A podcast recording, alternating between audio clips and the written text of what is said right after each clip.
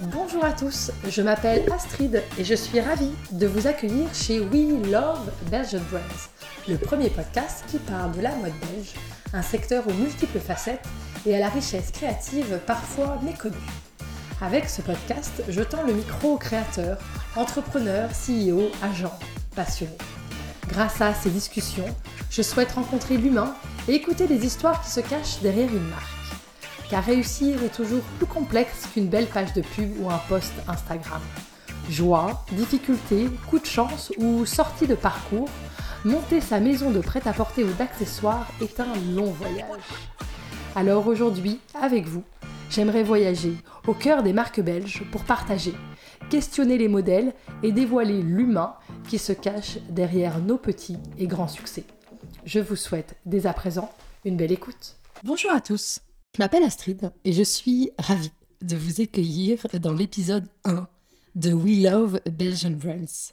Un épisode qui a pour but de me présenter, de vous faire un petit disclaimer, de vous exposer quelques idées que j'ai sur la mode belge et à quoi vous pouvez vous attendre avec ce podcast. Donc voilà, je suis Astrid, je suis française, née à Paris et passionnée par la mode depuis mon plus jeune âge. Et d'aussi loin que je m'en souvienne, j'ai toujours rêvé de travailler dans ce secteur que je croyais alors à l'époque de roses et de paillettes. J'ai commencé ma carrière professionnelle à Paris, dans des marques comme Chloé, Burberry, Paul Smith.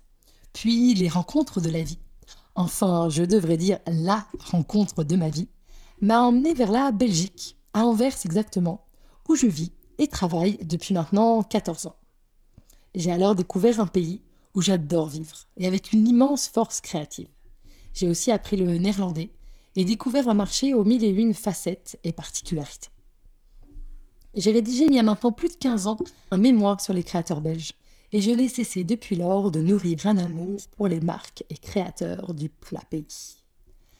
Après avoir travaillé plus de 11 ans au plus près des réalités commerciales du Benelux, chez New Look Fashion Deal, une prestigieuse agence anversoise, je me suis jetée en janvier 2020 dans la folle aventure de l'entrepreneuriat.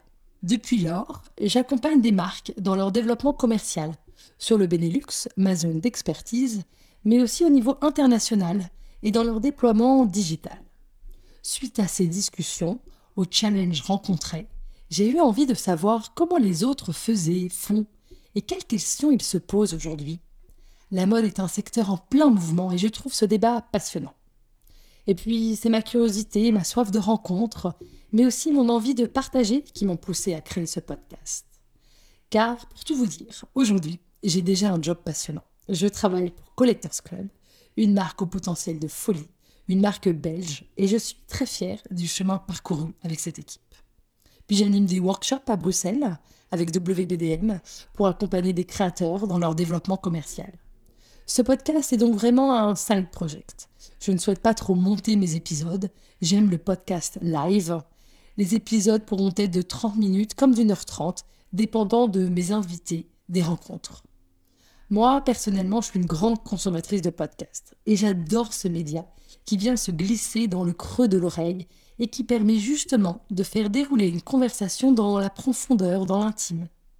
Perso, il peut m'arriver d'écouter un épisode de deux heures, en plusieurs fois, en voiture, sur deux trajets, pendant que je fais des courses ou des tâches ménagères. Avec ce podcast, ce sera des interviews, donc il sera important pour moi que mon invité se sente à l'aise et qu'il puisse donc s'exprimer dans la langue de son choix.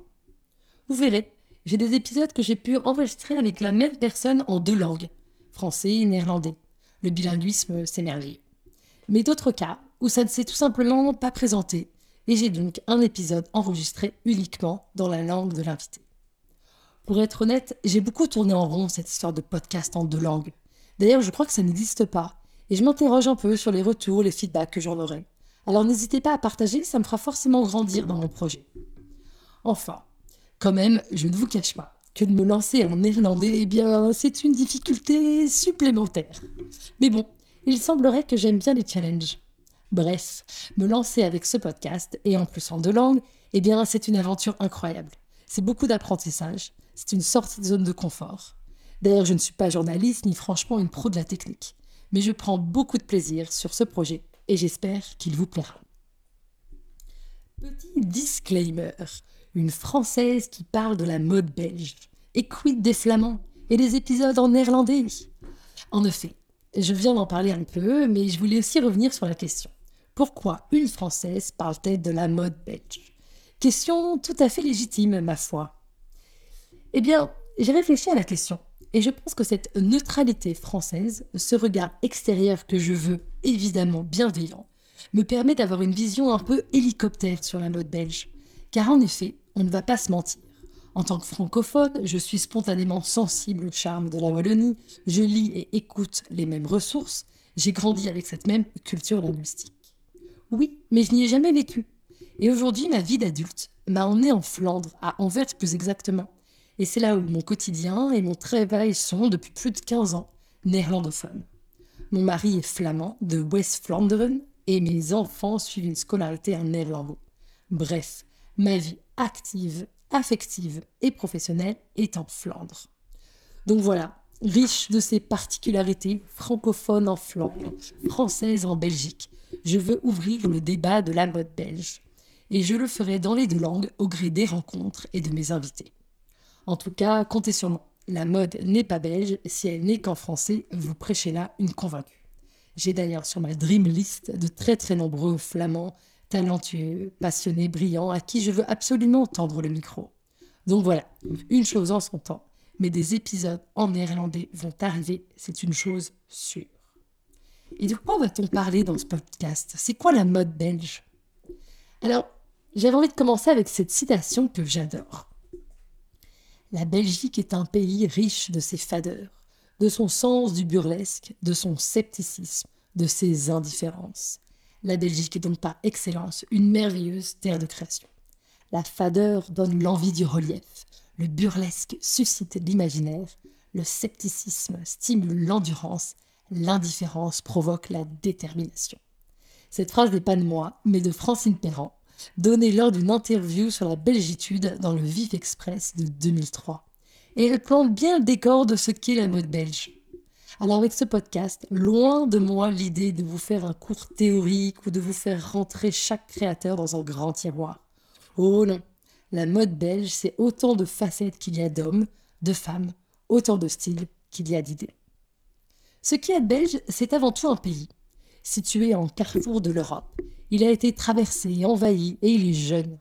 Il est donc riche de ses mixités, francophones, germanophones, néerlandophones, riche de cette liberté aussi d'oser, d'avancer, de proposer.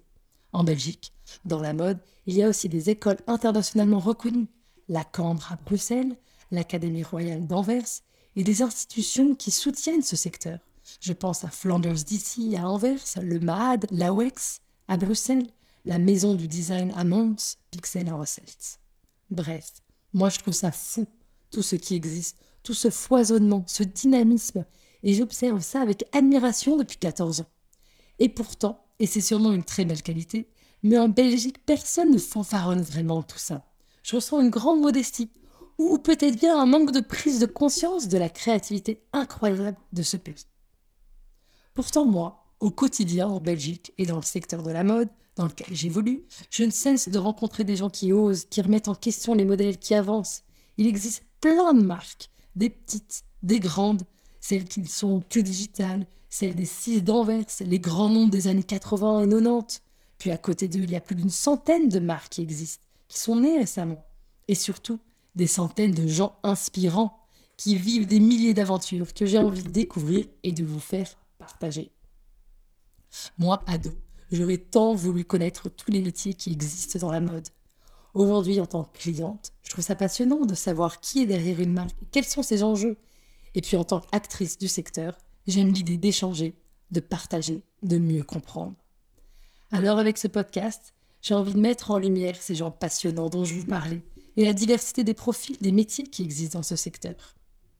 En quelques mots, The We Love Belgian Brand podcast vous informe sur la mode, démystifie le secteur, vous fait découvrir une grande diversité de profils, vous partage des informations pour grandir ensemble. À mon micro, on brise les frontières, on parle vrai. En mettant en valeur des marques de talent, des projets inédits, des personnalités atypiques, The We Love Belgian Brand podcast veut dévoiler l'humain derrière la créativité, les chiffres, les grands succès. Et puis je serai ravie que grâce à ces discussions, je puisse vous faire découvrir des marques, des personnalités singulières, des histoires insolites. Ce podcast sortira une fois tous les 15 jours, le jeudi. Et j'espère de tout cœur qu'il vous plaira. N'hésitez pas à le partager, à me faire part de vos feedbacks et vos encouragements. Merci et à très vite. Merci beaucoup d'avoir écouté cet épisode jusqu'au bout. J'espère qu'il vous a plu. Et si c'est le cas, je vous invite à le partager et à le noter de 5 étoiles, car ça m'aidera beaucoup à le faire gagner en visibilité. Si vous avez des personnes à me proposer, des projets à mettre en lumière, des questions à poser, n'hésitez pas à me retrouver sur ma page Instagram, oui, underscore, love, underscore, Belgian, underscore, runs. Et je vous dis à dans 15 jours pour un prochain épisode.